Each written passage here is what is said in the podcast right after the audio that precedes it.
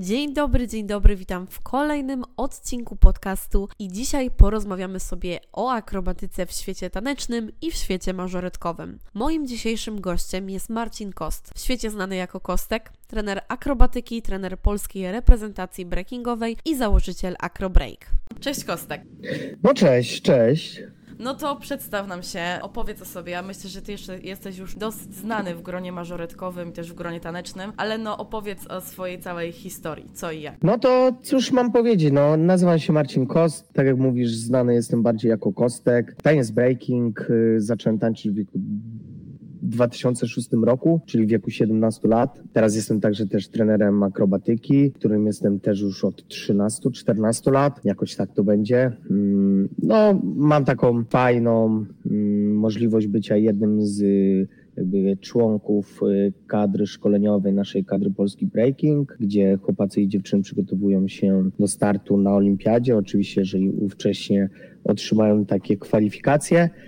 No, w świecie tanecznym jestem właśnie znany jako Kostek, dlatego że właśnie tańczyłem breaking. W swojej przygodzie tanecznej miałem możliwości yy, rywalizowania na różnym poziomie polskim i na arenie międzynarodowej, także fajnie yy, zebrałem sobie doświadczenie. No a że moją całą miłością był taniec i, i, i akrobatyka, czyli po prostu ruch, mm, no to stałem się także trenerem akrobatyki i wykorzystuję teraz y, nauczanie akrobatyki wśród tancerzy, przygotowanie ich do różnych startów w zawodach, y, czy to w formie streetowej, czy to w formie, wiesz, bardziej współczesnej. Mówimy tu o jazzie, modernie, no czy właśnie współpracuję z mażoretkami już dosyć sporo lat, także myślę, że jestem na ten moment w temacie tym, co się dzieje w świecie takim tanecznym. Okej, okay. dużo doświadczenia, dużo doświadczenia z Twojej strony, a opowiedz mi, skąd w ogóle w Twoim życiu znalazł się break i później akrobatyka? Nie wiem, co było pierwsze, czy to się od razu połączyło? Jak trafiłeś na pierwsze zajęcia, albo jak zacząłeś ogólnie tańczyć?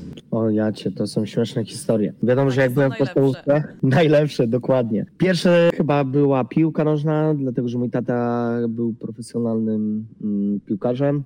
Więc wiadomo, grałem na podwórku razem z tatą i z moim starszym bratem w piłkę. Później gdzieś pojawił się pierwszy klub piłkarski, ale w międzyczasie ja zawsze miałem dryg do ruchu jeżeli chodzi o różne kopyrtki, jak na tamten moment bym powiedział. I to zapisałem się na zajęcia do Młodzieżowego Domu Kultury w Rybniku, na zajęcia breka. Tam byli chłopacy. W tamtych czasach nie było raczej takiej formy, że był trener, instruktor i on y, nauczał po prostu choreografii czy nauczał elementów. Przychodziło się, było sporo osób na tej sali.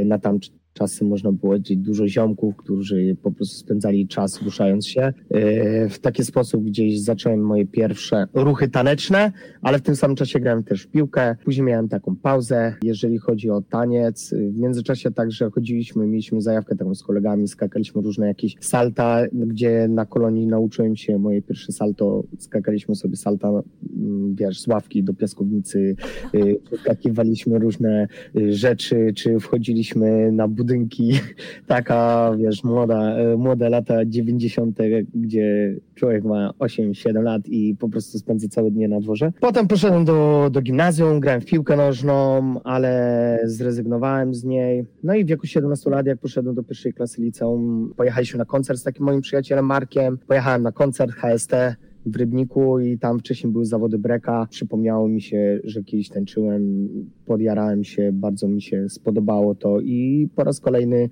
poszukałem, gdzie y, są jakieś takie treningi. U mnie w mieście znalazłem na elektrowni, w wielkim skrócie przy ekipie Azizi. Odwiedziłem ich. Oczywiście najpierw musiałem się nakombinować, żeby kogoś znaleźć, bo to nie były takie czasy, że wpisałeś w internet i wyskoczył ci numer telefonu, więc taka była strona kiedyś break.pl. Byłem w nią wejść. Yy, szukałem osób, które gdzieś są z tego tutaj rejonu rybnickiego. Znalazłem tam El Kukizo, Michała. Yy, napisałem, czy mogę przyjść na trening. On powiedział, jasne, wpada i przyszedłem i tak pojawiłem się właśnie na sali na elektrowni w Rybniku, gdzie zacząłem tańczyć breka. No i tak mniej więcej moja przygoda się zaczęła. Wiesz, mając 17 lat jesteś pełni świadomy raczej osobą, która wie, czego chce, więc jak wieku 17 lat zacząłem znowu tańczyć, to już wiedziałem, że to jest coś, co daje mi kupę frajdy, daje mi motywację do działania i przede wszystkim, jeżeli budzisz się rano i myślisz o breku i idziesz spać wieczorem i myślisz o breku, a nie umiesz się na matematyce na lekcji skupić, bo myślisz o tym, że trzeba te y, nowy ruch poćwiczyć, bary albo jakieś inne elementy, to wiesz, że to jest właśnie coś, co chcesz robić. No ale w międzyczasie cały czas mi akrobatyka towarzyszyła, breki i akro są bardzo bliskie sobie, cały czas wymyślasz triki, robisz ciężkie rzeczy. Myślę, że można powiedzieć, że trzeba być dobrym atletą, żeby tańczyć breaking i być na wysokim poziomie. Okej, okay, no to prawdziwa pasja, naprawdę. Fajnie się tego słucha, bo tak jak mówisz, teraz są takie czasy, że ktoś właśnie wpisze y, zajęcia tańca współczesnego albo zajęcia breakdance i dane miasto i od razu wszystko wyłożone y, na tacy i można sobie po prostu wybierać spośród instruktorów. A kiedyś rzeczywiście jak człowiek chciał coś tańczyć, to musiał się naprawdę postarać i włożyć w to trochę energii, a nie zadzwonić i pójść na zajęcia. Także y, bardzo, bardzo fajna historia. No a powiedz mi, czy bardziej jest tak, że akrobatyka wynika z breakdance'u, czy breakdance z akrobatyki? W sensie jakby, czy da się żyć bez, bez jakby breku, bez akrobatyki, albo w akrobatyce bez breku? nie wiem, czy wiesz o co mi chodzi. Wiem, wiem, wiem. Chyba najpierw by trzeba było powiedzieć, że breakdance to wiesz, jest taka bardzo jakby, wiesz, komercyjna nazwa, nie? I okay. trzeba by było bardziej o tym mówić jako o formie breaking. Y, zresztą taka jest dyscyplina teraz olimpijska i w 2024 w Paryżu już będzie breaking. Jest to oficjalnie, można mówić y, o takiej oficjalnej nazwie, którą w sumie powinniśmy wszyscy się posługiwać. Wiadomo, że w potocznym mówieniu nikt nie zrozumie, co to jest breaking. I, i jak powiesz breakdance, to ci odpowiedzą, że a, taniec na głowie. To jest takie dosyć przykre, bo wielu osób po prostu się nie kręci na głowie. Ja na przykład byłem tego przykładem, że nigdy nie chciałem się nauczyć tak, wiesz, na przekór wszystkim ludziom dookoła na osiedlu, którzy mówili, o tańczysz breka, pokaż jak się kręcisz na głowie. A ja zawsze no. mówiłem, że nie będę się kręcił na głowie, bo chciałem wszystkim udowodnić, że można być dobrym, nie robiąc tego, co wszyscy by chcieli, żebyś robił. Ale wracając do twojego pytania, co, co jest czemu potrzebne, to myślę, że w akro nie ma takiej potrzeby posiadania elementów akrobatycznych. W breku też nie mam, bo to wiesz, jest bardzo indywidualna sprawa i bardzo mocno kreatywna, ale na pewno bardzo ułatwia tańczenie, jeżeli rzeczy akrobatyczne, czyli takie wiesz, trikowe mm, wrzucasz y, do swoich setów tanecznych i, i wiesz, i to na pewno upiększa i dodaje jak gdyby bardziej zaawansowanych mm, elementów do twojego tańca, dzięki czemu wiesz, możesz zyskać więcej punktów, czy yy, jeżeli chodzi o to, jak ludzie cię postrzegają, to widzą, że dużo więcej pracy włożyłeś w to, żeby się nauczyć i przełamywać swoje przede wszystkim stres i strach, no bo nie okłamujmy, że jak jesteś osobą, która nigdy nic akrobatycznego nie robiła i masz wizję, że zaraz masz skoczyć salto, to gdzieś tam stres i nerwy mogą wziąć górę bo się stresujesz po prostu, że spadniesz na głowę. I tutaj jest, wiesz, takie coś. Więc myślę, że mm, akro w breku na pewno dodaje bardzo dużo i, i daje jak gdyby, zwiększa twój level i, i, i twoje zaawansowanie, myślę. Bo już opowiedziałeś, że masz wieloletnie doświadczenie w pracy z mażoretkami. Jakbyś miał powiedzieć, po co jest akrobatyka mażoretką? Ponieważ ja spotykam się wielokrotnie rozmawiając z jakimiś em, trenerami, instruktorami, że jakby Mażoretki pracują z rekwizytem i tylko gdy tańczysz pompon, chociaż teraz weszła nowa, znaczy już nie jest aż taka nowa, ale już jest taka bardziej oficjalna kategoria baton acrobatic, e, która ma w ogóle acrobatic w swojej nazwie. I często spotykam się właśnie mm, z takim stwierdzeniem, że jakby no po co mażoretką akrobatyka? Skoro my nie tańczymy z pomponami, to po co nam ta akrobatyka? Więc jak ty byś miał odpowiedzieć, po co mażoretką akrobatyka? Mm, myślę, że najłatwiej powiedzieć, że akrobatyka, y, gimnastyka, akrobatyka jest to królowa każdego ruchu. Y, jest to twoja baza wyjściowa do każdego sportu, do każdego tańca, wiesz, to zwiększa y, twoją siłę, mm, nie wiem, całe wszystkie jakby podstawowe cechy motoryczne, a do tego jeszcze oprócz, wiesz, tam siły, szybkości, wytrzymałości, czy twojej mocy, wiesz, możesz być gibki, tak, y, koordynację poprawiasz. Przede wszystkim, nie wiem, stojąc, ucząc się stać na rękach, yy, uczysz się upadać. Nigdy nie wiesz, jak zejść z tego, a to pokazuje, że ktoś cię popcha albo w trakcie choreografii, nie wiem, będzie za mała scena i się dugniecie i jedna osoba będzie lecieć, to w, w, jest większe prawdopodobieństwo, że upadnie w bardziej kontrolowany sposób. No, jeżeli chodzi typowo o akrobatykę, no to to przygotowuje ciebie do ruchu, o, tak bym to mógł powiedzieć. A stricte jeżeli chodzi o akrobatykę w mażoretkach, to jeżeli rozwijasz się w sposób jak gdyby trikowy, tak bym może to nazwał, albo akrobatyczny, jesteś w stanie tworzyć więcej ciekawszych i bardziej zaawansowanych y, elementów, które wrzucasz do choreografii. Dzięki temu rozróżniasz się pomiędzy y, jednym zespołem a drugim, bo choreografie się różnią.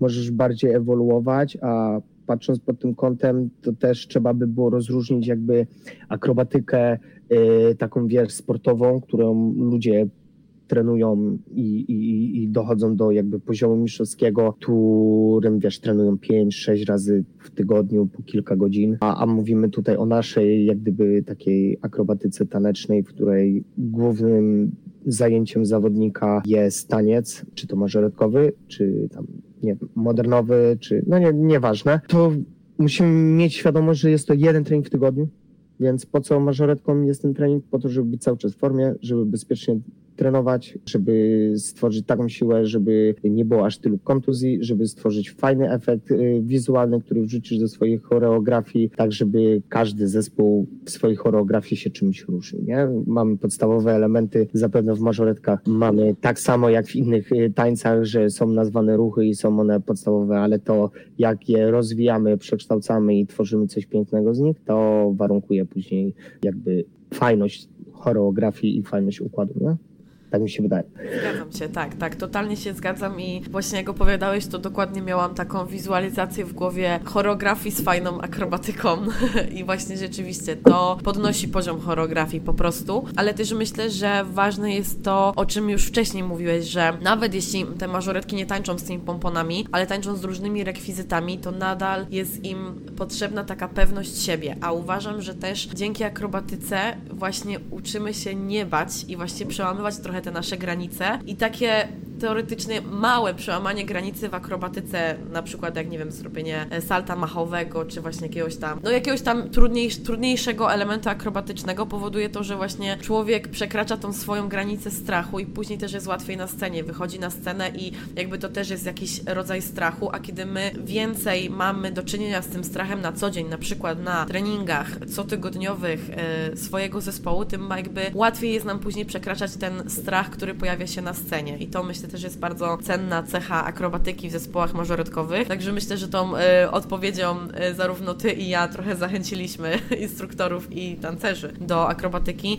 Powiedz mi, bo najczęstszym problemem y, instruktorów i też mażoretek, jest taki problem, że jakby nie mamy aż takiego dużego, fajnego dostępu do akrobatyki. Oprócz jakichś właśnie takich szkoleń, innych rzeczy, wiadomo, jakoś ciężko to w życiu codziennym ogarnąć, więc jakbyś ty powiedział, jak właśnie tak fajnie ogarnąć jakąś akrobatykę do choreografii mażoretkowej. Jak to zrobić? Najłatwiej byłoby zaprosić kogoś na warsztaty, kogoś, kto zajmuje się tym na co dzień. Wtedy mamy gotowy produkt, który możemy wrzucić tak naprawdę do choreografii. Osoby, które pracują jako trenerzy akrobatyki gdzieś z tancerzami przez lata już swoich pracy, y, wymyślili różne rozwiązania, znaleźli gdzieś w internecie, przetestowali to na zawodnikach, łatwiej się nauczyć, ale my jako instruktorzy, może raczej wy jako instruktorzy mażoretkowi, y, macie internet i internet jest źródłem wiedzy, zawsze można gdzieś wpisać na Instagramie czy na YouTubie różne rozwiązania taneczne, akrobatyczne, acrodance, acrotricks, y, miliard rzeczy się pojawia, które możemy robić. Wiadomo, że problemem będzie tutaj sposób, w jaki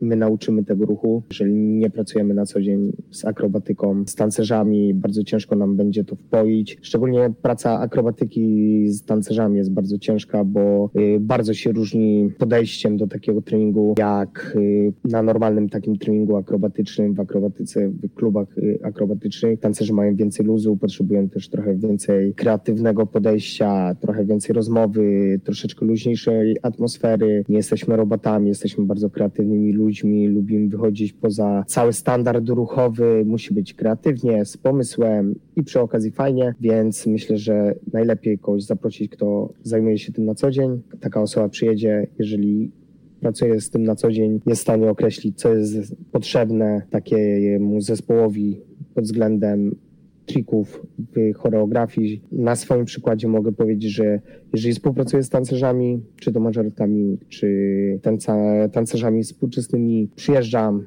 oglądam choreografię, daję pomysły, czy co mogłoby się gdzie znaleźć, próbuję to stworzyć, szczególnie jak ktoś mi podsyła, słuchaj, tu jest tak, tak, tak i w tym miejscu w choreografii musiałoby być coś. Ja, jeżeli już pracuję jakiś czas z tancerzami, jestem w stanie określić mniej więcej, co by mogło tu być, szczególnie, że robię taki trening zapoznawczy, mm, zawsze pierwsze pół godziny treningu, w którym określam mniej więcej poziom grupy, poziom tego zespołu, y, jestem w stanie stwierdzić, co będzie najłatwiej, najszybciej się nauczyć, no bo dalej przypomnijmy, że nie mamy tych treningów dużo, nie jesteśmy w stanie sobie zrobić teraz pół roku przygotowania pod jakiś element nie, machowe, czy pod jakiś y, inny element akrobatyczny, tylko musimy działać, musimy to wrzucić, musimy bazować na umiejętnościach, które już w miarę na tej sali są, szczególnie jak jestem nowym trenerem, nie znam tej grupy, nie wiem, czy ta dziewczyna się bardziej boi, mniej się boi, czy jest takim harpaganem, który po prostu biegnie, powiem, weź nie podłóż rąk i ona biegnie i skacze już machowe, więc nie znamy się, musimy się poznać i te treningi są właśnie po to później. Więc myślę, że najłatwiej jednak y, kogoś wziąć, kto się zna na tym,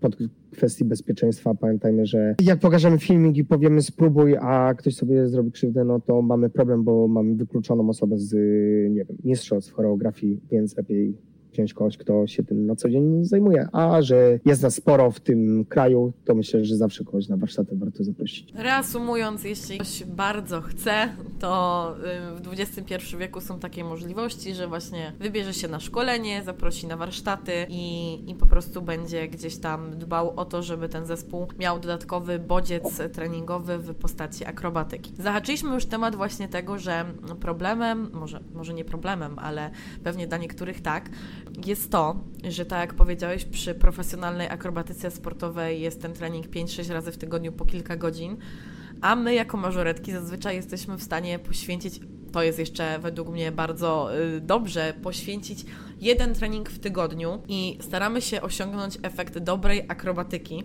w choreografiach, a czasami też są pewnie zespoły, które robią tą akrobatykę, nie wiem, na przykład dwa razy w miesiącu. Więc jak znaleźć ten złoty środek, żeby poprzez małą ilość tej akrobatyki, nawet w tych poszczególnych elementach, y, ona dobrze wyglądała w tych choreografiach. Czy ty masz jakieś tipy na to? No przede wszystkim tutaj główną rolę odgrywa systematyka.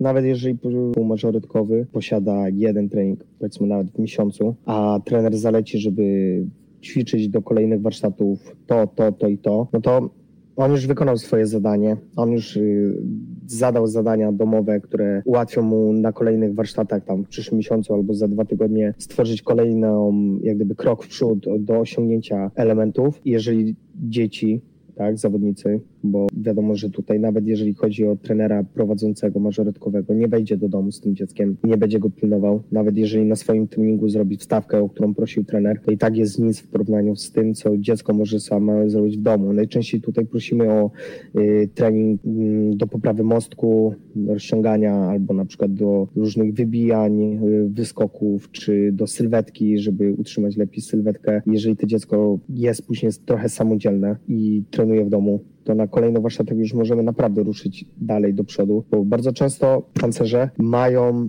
bardzo dobre podłoże do tego, żeby uczyć się elementów, ale brakuje im albo techniki, albo jakiejś mocy i ona musi zostać stworzona. Dlatego e, jeżeli miałbym dać tip, no to słuchać osoby, która prowadzi. Czyli co to znaczy? To znaczy, żeby wykonywać zalecenia tego trenera, który coś już zadał.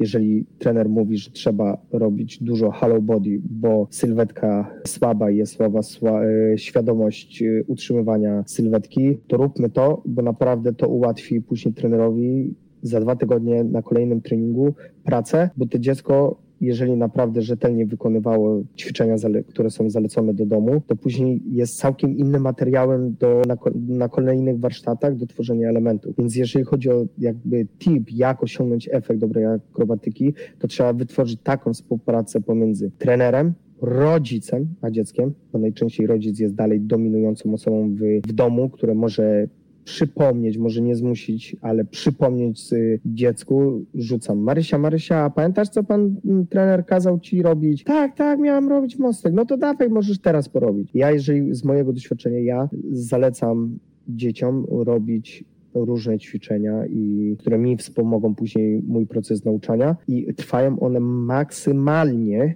5 minut dziennie. 5 minut poświęcić w ciągu dnia dla dziecka jest nic, ale najczęściej i tak rodzic musi mi w tym pomóc, bo dziecko jak wyjdzie, zamknie salę, zamknie drzwi z tej sali, to już nie pamięta, co tam było. I to rodzic jest teraz od tego, y, żeby tylko przypomnieć, jeżeli mamy dobrą współpracę, bo wiadomo, że jest dużo rodziców, którzy się nie angażują jak gdyby w proces nauczania dzieci. No i nic na to nie poradzimy, no bo mają także prawo. No on wysyła dziecko na trening i chciałby, żeby to dziecko, ten mój zawodnik y, rozwijał się na treningu, a nie w domu. Nie ma miejsca, bo lustro zbije, no wiele jest różnych wersji, dlaczego w domu nie może ćwiczyć 5 minut. No i z tym nic nie zrobimy. Ale najlepsze efekty osiągają jednak te osoby, które poza tym, co się dzieje na treningu, ćwiczą także dodatkowo w domu. Ja jako taki trener prowadzący, yy, zadając takie ćwiczenia, trzymam się takiej zasady pięciominutowej dziennie dodatkowej, czyli wyznaczam jakby tylko ten taki must have, który muszą robić w domu, żeby mi pomóc y, proces. My nie będziemy zmuszać rodziców czy, czy trenerów, którzy nie prowadzą na co dzień akrobatyki, żeby ćwiczyli elementy akrobatyczne, bo po pierwsze to ja biorę odpowiedzialność za dziecko jako trener akrobatyki i nad jej procesem nauczania, a niekoniecznie musi to zrobić rodzic. Więc y, najważniejszą rzeczą podczas jak gdyby pomocy i jak najszybszego osiągnięcia efektu przez to dziecko jest to, żeby to dziecko ćwiczyło także poza treningiem. Jeden trening na dwa tygodnie to jest bardzo mało, ale mamy takie realia i musimy do nich dążyć, znaczy musimy w nich trwać, no i tak już będzie. Nie ma co tego rozkminiać i się nad tym rozczulać, po prostu im więcej pracy w domu zadanej przez trenera e, i gdzie dziecko jest chętne i chce trenować, tym nam łatwiej jest później tworzyć rzeczy. Takie proste, a jakie genialne. Czyli tak naprawdę musimy dbać o siłę, dbać o tą technikę, o regularność i na przykład wzmacniać proces poprzez jakieś krótkie mm, ćwiczenia ala zadania domowe, chociaż nie wiem, czy nazywanie tego zadaniem domowym dobrze wpłynie na dzieci, ale generalnie takie właśnie dbanie o proces poprzez dawanie jakichś ćwiczeń, które dziecko właśnie może robić codziennie, a teoretycznie tylko zrobi to codziennie przez 5 minut, a jak bardzo może to nam właśnie, tak jak powiedziałeś, pomóc później przy um, kontynuowaniu nauki jakichś elementów, czy w ogóle przy robieniu tych elementów, bo automatycznie podejrzewam, że wzrasta po prostu e, siła, moc i po prostu technika wykonania tego elementu. No myślę, że naprawdę y, to jest taki prosty tip, ale mega przydatny i ja na przykład stosuję go przy nauce trików mażoretkowych, ale co do właśnie takich rzeczy bardziej może gimnastycznych y, bym to wykorzystywała z tego względu, że właśnie u mnie dziewczyny i rozciąganie to jest nie, niedobre połączenie, bardzo nie lubią, nie wiem dlaczego. Triki mażoretkowe właśnie jak jest materac albo cokolwiek to jest po prostu szał ciał, a jak jest rozciąganie to jest tragedia, także muszę chyba zacząć też to stosować. No bo, bo, bo zobacz, y, naj, najłatwiejszym przykładem będzie w wypadku na przykład mostek. Jeżeli ty masz trening raz w miesiącu albo raz na dwa tygodnie i ty poświęcasz masz na tej sali 20 osób, to takie realia, żyjemy w takich czasach. Mhm. Tak jest, 20 osób na sali. Masz półtorej godziny warsztatów. Nawet rzucam treningu właściwego raz w tygodniu taką osobą. Masz 20 osób na sali, półtorej godziny. Chcesz stworzyć mostek, rozciągasz to dziecko, poświęcisz 3 minuty dla każdej osoby, to zobacz, y, to już jest tyle czasu zabrane na treningu, żeby każdą osobę złapać i rozciągnąć. Chyba, że robisz obwody stacyjne, wiadomo, zawsze da się mhm. znaleźć tam rozwiązanie. Jestem akurat fanem obwodów stacyjnych. Ja też. Bo łatwiej mi się y, pracuje wtedy. Ale ile to czasu mija, a później to dziecko przez tydzień nie robi kompletnie nic, nie wejdzie ci ani razu nie zrobi mostku, tak? Mówię tu o osobach, które są w stanie w ogóle się podnieść, bo już jest masę dzieci, które nie jest w stanie w ogóle y, jak gdyby podnieść się z ziemi, to w ogóle tam jak gdyby ja nie wprowadzam w ogóle mostku i nie każę im się podnieść, bo to jest tylko na szkodę i pracuję, pracuję tylko na zakresach, żeby je zwiększyć i żeby przystosować w ogóle do przyszłości do zrobienia, ale jeżeli ta praca nie będzie wykonana później systematycznie w domu, nawet nie mówię codziennie, ale powiedzmy co drugi dzień, żeby chociaż te trzy podejścia do, do tych elementów miała, no to my mamy zawsze nowego, nową osobę na treningu. Ona niby już jest dziesiąty trening, ale ona jest tak naprawdę pierwszy raz, bo mięśnie już dawno zapomniały, że taką pracę można wykonać, że takie coś jest naturalne dla tego organizmu. Po prostu jest zaniechane ćwiczenie, więc go nie ma. No tak jakby nie istniało. No to najłatwiej byłoby nam takim mocno nam wytłumaczyć, dlaczego ta systematyka jest tutaj taka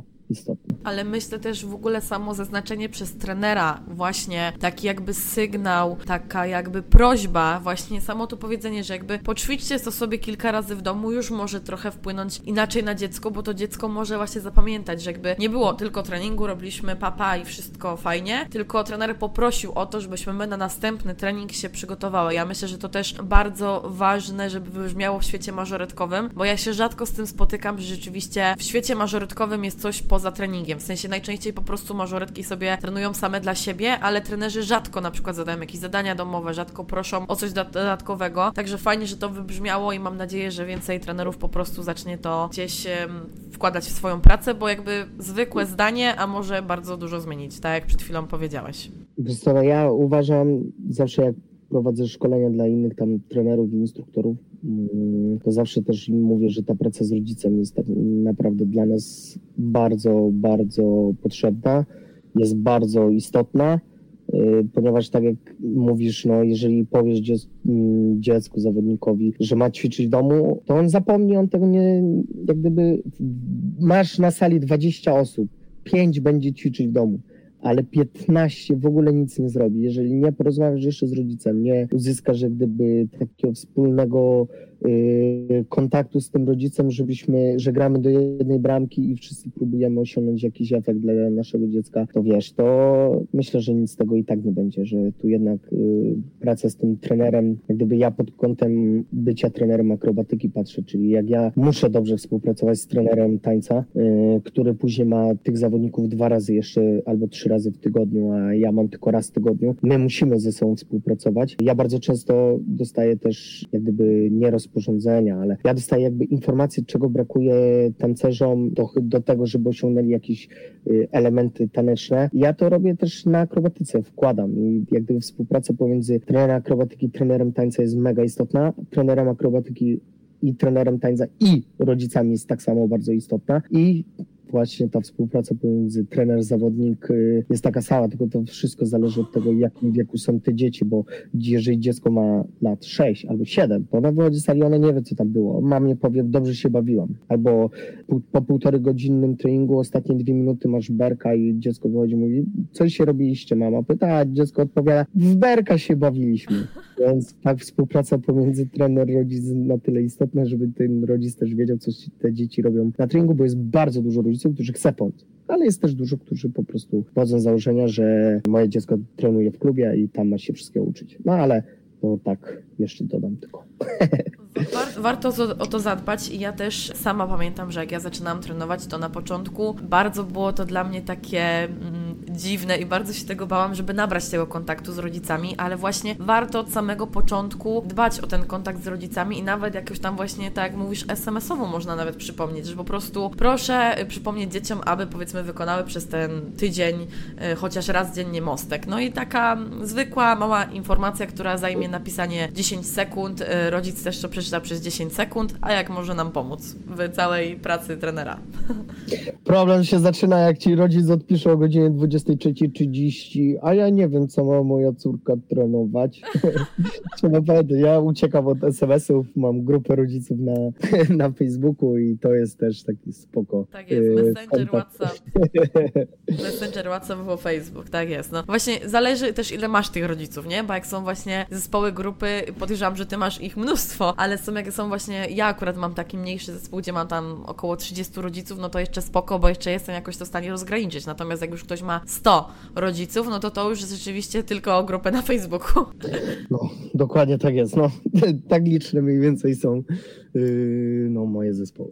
Teraz przejdziemy do takiej bardziej części inspirująco-motywacyjnej. Ja bym na początku chciała się dowiedzieć, czy Ty masz jakieś takie sprawdzone źródła, nie wiem, może jakieś podcasty, książki, może jakieś konkretne kanały na YouTubie, albo może polecisz jakieś szkolenia, oczywiście możesz też swoje polecić. Skąd brać wiedzę o akrobatyce, gdzie warto się edukować i powiedzmy, słucha nas teraz jakiś trener e, tańca mażoretkowego, albo jakaś mażoretka, albo jakiś tancerz i stwierdza, że on chce po prostu zwiększyć swoją wiedzę na temat akrobatyki. Gdzie warto się skierować? Tą wiedzę na ten moment wujek Gogla nam pomoże w tym wszystkim. Mm, wpisujemy sobie kursy i szkolenia i warsztaty akrobatyczne, szczególnie dla trenerów. Jest bardzo fajne, są szkolenia w Polsce robione. Nie ma ich co prawda dużo, ale są naprawdę fajne osoby, które potrafią tutaj zrobić szkolenia. Ważne, żeby też popatrzeć, y, myślę, dla mażoretek, dla trenerek i, i instruktorek mażorytek ważne są, żeby zobaczyć też osoby, które kiedyś współpracowały z tancerzami, wiedzą mniej więcej y, o co tutaj chodzi, jak to wygląda wszystko. Y, są fajne szkolenia Evo Gym na przykład robi. No ja też robię szkolenia jako acrobreak, typowo właśnie z takiej rekreacyjnej i tanecznej akrobatyki. Tam jest, wiesz, nauczanie metodyki, w jaki sposób podejść i, i, i jak zwrócić uwagę po prostu, jakie błędy są i nauczanie asekuracji. To tak jak wcześniej powiedziałem, jeszcze jest Evo Gym. Yy, jest także Jacek Czerniak bodajże, który robi też bardzo fajne szkolenie. Ja nie byłem, ale słyszałem bardzo pozytywne opinie. Wiadomo, że internet jest też źródłem wiedzy, jest bardzo dużo zagranicznych szkoleń, którą może nawet online sobie zobaczyć metodykę, jak zrobić, ale warto chyba pojechać, żeby też y, rękoma poasekurować i zobaczyć, jak to wygląda, jak y, ja się czuję jako osoba, która asekuruje, gdzie popełniam błąd, jak trzymam. Czasem za mocno machnę nogą, a czasem w ogóle za lekko i gdzieś tutaj się też tego trzeba nauczyć. To jest doświadczenie, więc warto poszukać osób, które są sprawdzone. Może nie wiem, czy chodzi tutaj o opinie jakieś googlowskie, ale raczej tutaj wszedłem na profil takiego trenera, który prowadzi takie szkolenie, zobaczył, czy mi odpowiada, nie wiem, sposób, w jaki w ogóle wypowiada się i mówi. Jeżeli odpowiada, to to jest dobra osoba. Myślę, że metodyka jest jedna. Różnią się może podejście do zawodnika, różni się jakimiś kilkoma ćwiczeniami, jakimiś takimi, wiesz, małymi perełkami. Metodyka jest bardzo zbliżona, bardziej tylko sposób prowadzenia treningu może Ciebie bardziej zainteresować albo bardziej zarazić u danej osoby. Jedynie co, no to tak jak mówię, no jest różnica pomiędzy treningiem takim w klubach sportowych y, startujących pod PZG i będącymi typowo akrobatami, a takimi tancerzami, którzy, którym trzeba dorobić akrobatykę, żeby mogli wykorzystać w choreografii. Więc warto zobaczyć, który z trenerów, który prowadzi szkolenie, pracował wcześniej z tancerzami. Myślę, że im więcej, tym lepiej tak naprawdę, ale y, tak czy siak, kochani, znajdziecie w y, opisie linki do kostka, bo ja myślę, że bardzo ważne jest to, że nie wiem w sumie, czy jeszcze jeszcze ktoś, kogoś znam, kto działa z mażoretkami, chociaż może musiałabym się nad tym zastanowić, ale e, warto pojechać, e, są ważne szkolenia. Ja jeszcze nie dotarłam, ponieważ każde szkolenie jest w terminie, kiedy ja mam studia od dwóch lat, także za rok, jak może zacznę magisterkę, to może się uda i w końcu dotrę. Miejmy taką nadzieję, albo odpuszczę w końcu któryś zjazd, ale zawsze masz, teraz też właśnie macie szkolenie w ten weekend, prawda? No, teraz w ten weekend, no, z salta machowego bokiem i przodem. I słuchajcie, chciałam chciałam jechać, ale oczywiście zaczyna się sesja i mamy egzaminy, także myślę, że kiedyś dotrę. Obiecuję, że dotrę, e, ale y, docierając do brzegu, w opisie podcastu będą linki na stronę, na Instagrama i jak ktoś będzie chciał, to sobie poszuka. E, ja też co jakiś czas na pewno coś będę udostępniać na stories, także no myślę, że warto się od razu do kogoś przejechać, chociaż na pierwsze szkolenie, kto gdzieś tam współpracował e, z mażoretkami, bo po prostu no już tam gdzieś kilka lat pracujesz, więc masz już pewnie jakieś doświadczenie, co tam gdzie sprawdza się w jakichś choreografiach. Także jak ktoś by chciał, to odsyłamy do linka, można się zapoznać, jechać, pojechać, wyedukować się, bo im więcej edukacji, tym lepszym jesteśmy instruktorem zawsze. Kurczę, okay. ale to ładnie powiedziałaś. Edukacja jest zawsze ważna. Ja jeszcze chciałem powiedzieć, że bardzo dobrze się uczy człowiek też od swoich zawodników, bo młodzież ma takie pomysły i potrafi tak. tyle czasu spędzić e, na internecie, żeby wyszukać coś, czego o, tak. my dorośli nie jesteśmy w stanie nawet znaleźć, więc ja bardzo często też y, dowiaduję się jakichś ciekawostek od moich takich trenerek młodych albo przyszłych y, jak gdyby trenerek, moich zawodniczek takich starszych, które potrafią znaleźć naprawdę fajne rzeczy, przesłać fajne triki i Ja mam, i to, ja mam to samo, ja mam to, to jest po prostu, ja się śmieję, że to jest moja encyklopedia. Tancerki to jest encyklopedia, bo po prostu one mają czasami taką motywację, że będą siebie nagrywały godzinami jak tańczą i powiedzą, o proszę pani, ten jeden ruch, ta jedna czwórka, ten, ten jeden konkretny element jest jest piękny. No i po prostu gdzie ja bym znalazła czas, żebym takie coś wymyślić, skoro ona sobie tańczy godzinami, bo ma na to czas i nagle tutaj wymyśla takie rzeczy. Także tak mówisz, bo też niektórzy trenerzy mają takie według mnie trochę niefajne do tego podejście, w sensie stawiają się wyżej na piedestale od swoich tancerzy, tancerek, ale też jakby czasami zapominają o tym, że warto skorzystać z tych kreatywności, nie wiem, zrobić jakąś improwizację i popatrzeć, gdzie co jest, bo nagle się okazuje, że tancerki robią improwizację i mają gdzieś jakieś zakresy albo jakieś, nie wiem, elementy elementy, które można włożyć do choreografii, nagle one robią wow. A niektórzy trenerzy właśnie tylko ja, to co ja wymyślę, nic mi nie podpowiadajcie, moje jest najlepsze i nie zmieniamy. No, to prawda. No i teraz przejdziemy do ostatniego pytania. Nie wiem, jak bardzo polecimy w tym pytaniu, ponieważ znając nas, to trochę pogadamy o tym, ale właśnie chciałabym zapytać Cię o Twoje inspiracje, a przede wszystkim e, skąd Ty bierzesz inspirację, żeby działać w akrobatyce, żeby działać w świecie tanecznym? Jakby według mnie świat sportu i w ogóle świat e, tańca jest taki dosyć trudny i dosyć czasami toksyczny, a Ty już siedzisz w tym tyle lat, więc powiedz mi w ogóle skąd ty bierzesz inspirację na to wszystko? Dla mnie bardzo dużą inspiracją są też jakby dzieci moi zawodnicy, ponieważ jak gdzieś, jak gdyby mam taki, nie wiem, czy to mógłbym nazwać zmysłem, ale ja jak widzę ruch, to widzę, co by mogło z niego powstać, a jak mam do tego taki model zawodnika, który się niczego nie boi, nie wiem, jest dobrze rozciągnięty i, i, i tak samo ma zajawkę i czasem rzucę, a weź tą rękę tutaj, albo weź y, przy tym, w tym momencie zegnij kolano i zrób coś i wtedy powstają fajne rzeczy i to mi daje dużą inspirację i, i, i polot do tego, żeby zostać y, w tej branży. Myślę, że inspiracją w dużej mierze dla mnie jest po prostu to, jak mam za, jakby zaangażowanego zawodnika, który chce testować moje pomysły i to mi daje taką moc, taką, takiego kopa, że się dzieci nie poddają i chcą też w to brnąć. Myślę, że to jest taka główna moja inspiracja, motywacja. No a druga rzecz, wiesz, no jestem artystą, ja mam, wiesz, jestem ADHD pełnej okazałości, mam miliard y, pomysłów i myśli na sekundę w mojej głowie i myślę, że praca trenera y, idealnie się nadaje y, dla mojej osoby, bo mogę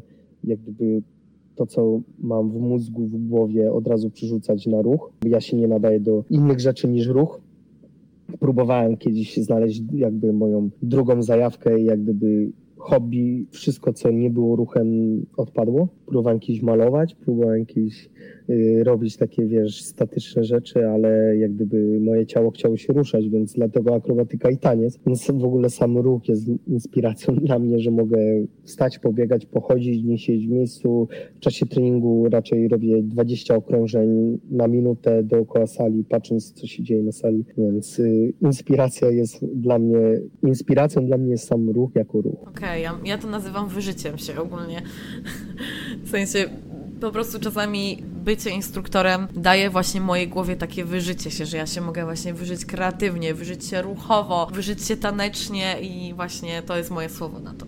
Wyżyć. No, zobacz, ja jeszcze, jeżeli, jeżeli chodzi o mnie jeszcze, to ja współpracuję z jakby z różnymi tancerzami, z różnych stylów tanecznych, więc y, taką inspirację czerpię jeszcze z różnych stylów, bo każdy z nich jest inny, każdy z nich ma inny jak gdyby zasób ruchów, inne ma ciało i ma inne predyspozycje i zawsze z tego trzeba coś zrobić. Tworzyć coś, co będzie w choreografii wyglądać dobrze. Dlatego między innymi właśnie powstał ten warsztat, który razem z Megan stworzyliśmy akrobatyki typowe dla tancerzy strików, takich tanecznych, które można do choreografii wrzucić, bo każdy styl jest inny, każda osoba jest inna, a trzeba zawsze zrobić jakby efekt, taki wow, efekt wiesz, coś wizualnie dobrze wyglądającego w choreografii, więc to przede wszystkim inspiruje. To, że robimy jakiś ruch, a mogę nad nim usiąść na sali, spędzić dwie godziny robiąc, nie wiem, stanie na rękach i musi ono wyglądać za każdym razem inaczej, bo nigdy nie wiem, co mnie spotka, nie? I co będzie pasować do danej choreografii, więc przede wszystkim same wymyślanie przekształcanie i bycie takim cały czas kreatywnym człowiekiem powoduje, że masz zajawkę i chęć do tego, żeby pracować po prostu w tym zawodzie, bo ci nigdy nie nudzisz. Zawsze coś innego się dzieje, zawsze masz y, flow do tego, żeby płynąć jak gdyby z tym ruchem, z tymi dziećmi, wymyśleć coś, coś stworzyć, a potem to dopracowywać, czyli tysiące razy robić ten sam element, przerzut bokiem, mm, zrobić tysiąc razy, żeby on wyglądał perfekcyjnie, a nie pięć razy z koślawymi nogami pogiętymi także to jest w ogóle inspiracja sama w sobie, że najpierw wymyślasz, tworzysz coś, potem to musisz dopracować, a potem jeszcze to musisz zmieścić w muzyce, żeby to pasowało i żeby na pewno było równo, a potem przychodzi ci jeszcze 20 osób naraz na salę i te 20 osób naraz musi zrobić ten sam ruch w tym samym tempie, do muzyki, tak samo wyglądając. Y, no to są fajne rzeczy takie, które po prostu ciebie jako trenera mobilizuje do tego, żeby każdemu pomóc, a wiadomo, że każdy z tych y, dzieciaków ma inne predyspozycje, a to powoduje, że jednemu ten ruch przyjdzie ciach, i masz w minutkę gotowe, a drugie potrzebuje parę tygodni na to, żeby to zrobić. Więc to teraz ty masz bój z tym, żeby jak wytłumaczyć tej osobie, albo jakie ćwiczenia dodatkowe stworzyć i poprosić, żeby ćwiczył, żeby szybciej się nauczył, żeby cała ta grupa robiła identycznie i idealnie, tak samo. Kreatywność level hard pro max po prostu, e, ale też właśnie fajnie tą odpowiedzią trochę zainspirowałeś mnie, ale też myślę, że fajnie, żeby to też wybrzmiało, że jakby im więcej robimy, z im większej ilości styli tanecznych korzystamy, tym ta kreatywność nasza wzrasta, bo ty współpracując jednocześnie z mażoretkami, z tancerzami modernowymi, współczesnymi, e, gdzieś tam jeszcze ta akrobatyka, breakdance czy breaking, no i po prostu jest tego tyle, że ty naprawdę masz takie pole do manewru kreatywności, że właśnie fajnie nie zamykać się tylko na jeden styl, tylko otwierać się też na inne, pojechać na jedne warsztaty, drugie warsztaty i wtedy ta kreatywność też od razu trochę inaczej wygląda i jest po prostu większa, bo jak człowiek obserwuje coś, co teoretycznie jest tym samym, bo jest tańcem, ale każde różni się znacząco, no to fajnie można się tym zainspirować. Także inspiracje są wszędzie, tylko trzeba je widzieć po prostu. Myślę, że myślę, że tak jak powiedziałaś, to jednak chyba w moim przypadku breaking y, najwięcej mi dał kreatywności, bo jak zaczynałem tańczyć, to zawsze było coś takiego, że nigdy nie możesz kserować od kogoś ruchu, że jak robiłeś ruch, który ktoś już kiedyś gdzieś zrobił, ktoś widział jak robił, to wszyscy cię palcem wytykali. I ja miałem nawet tak, miałem taki ruch, mm, który nazywał się oczy ważki, tak jak moja ekipa, że robiłem po prostu sprężynkę, czyli wychwyt z karku, wiesz, do siadu tureckiego z dłoni w oczy, i sam go wymyśliłem naprawdę z ręką na sercu, siedziałem, wymyśliłem, zrobiłem, bo sprężynkę całe życie umiałem i to było jakby na cześć mojej ekipy, wiesz, bardzo ważny dla mnie ruch, który pokazywał oczy, a później, wiesz, gdzieś ktoś w Stanach z, robił taki ruch, gdzieś na filmiku znaleźli i później pokazywali na mnie, że ja skserowałem ten ruch, co okay. nie było prawdą, bo naprawdę sam do tego podszedłem, ale ten taniec, jak gdyby breaking wytworzył we mnie takie coś, że musisz być kreatywny, musisz robić rzeczy inne niż wszyscy, żeby być, wiesz, jak gdyby fajny, o, można tak to powiedzieć, żeby twój level jest tak dobry, jak twoja kreatywność i wiesz, jak gdyby twoje ruchy. Więc y, myślę, że to jest też taka hardkorowa inspiracja i taka coś, co mi jako trenerowi akro dało bardzo dużo, że tańczyłem breka przez tyle czasu i, i takie patrzenie, wiesz, holistyczne na, na cały ruch, nie? Skąd on pochodzi, jak do niego dojść, y, jak zrobić, żeby on dobrze wyglądał, jest y, takim, wiesz, jakby cząstką mnie, o, cząstką mnie. Ja myślę, że to już jest w ogóle cecha XXI wieku, bo tak naprawdę według mnie tańcu już było prawie wszystko, a teraz tak jak mówisz właśnie takim y, sukcesem i takim osiągnięciem tego poziomu, który chcemy osiągnąć jest to, żeby albo rzeczywiście znaleźć coś nowego, albo to, co już było, pokazać w taki kreatywny sposób y, inny. Ja na przykład tworząc choreografię mażoretkowe mam takie coś, że staram się zawsze choreografii dać coś albo tak ją stworzyć, żeby ona była teoretycznie jest złożona z podobnych turlingów obowiązkowych, z jakichś tam, wiadomo, jakieś konkretne się można wymyślić, ale właśnie jakby głównym celem tej choreografii jest, jest zaprezentować ją tak, jak jeszcze nikt tego nie zrobił, albo w jakim temacie jeszcze nikt tego nie zrobił i właśnie wtedy ta kreatywność jest na podobnym poziomie, co u Ciebie, bo tak jak mówisz, no już ktoś ktoś coś zrobił, a ty musisz albo zrobić to inaczej, albo ograć to tak, jakby wyglądało, że nikt tak wcześniej tego nie zrobił. A zobacz, teraz ci dam y, pytanie, y, tym razem ja tobie zadam. Odwieczne pytanie wśród y, tancerzy y, chyba każdego stylu. Inspiracja kopia. Czym jest inspiracja, czym jest kopia? Jeżeli ja myślę, że moglibyśmy nagrać o tym osobny dwugodzinny podcast, ale szczerze jak dla mnie kopia to jest jeden do jeden bez totalnego zmienienia niczego, a inspiracja to jest na przykład zainspirowanie się jakąś częścią tego, czyli na przykład widzę powiedzmy w, jakimś, w jakiejś choreografii, dam teraz przykład falę z pomponami. I widzę, że robią ją w jakiś konkretny sposób i powiedzmy podoba mi się ta fala, ale staram się zrobić podobną, ale w innym ustawieniu i totalnie innym ruchem, czyli na przykład zachowuję tor ruchu, w sensie, że pompony lecą góra-dół, ale na przykład staram się stworzyć inny kształt i zrobić to na przykład w półkolu albo w kolu, a nie w prostej linii. I jakby mm. tak, tak to staram się rozdzielać, natomiast uważam, że jakby to zrobić prawnie i ym, rozszerzyć, to jest wieloaspektowość po prostu. Inspiracja, kopia, to trzeba byłoby naprawdę rozłożyć na aspekty i powiem Ci, że po prostu teraz mi dałeś taki, ym, taką inspirację chyba na odcinek, żeby rzeczywiście zrobić o tym odcinek.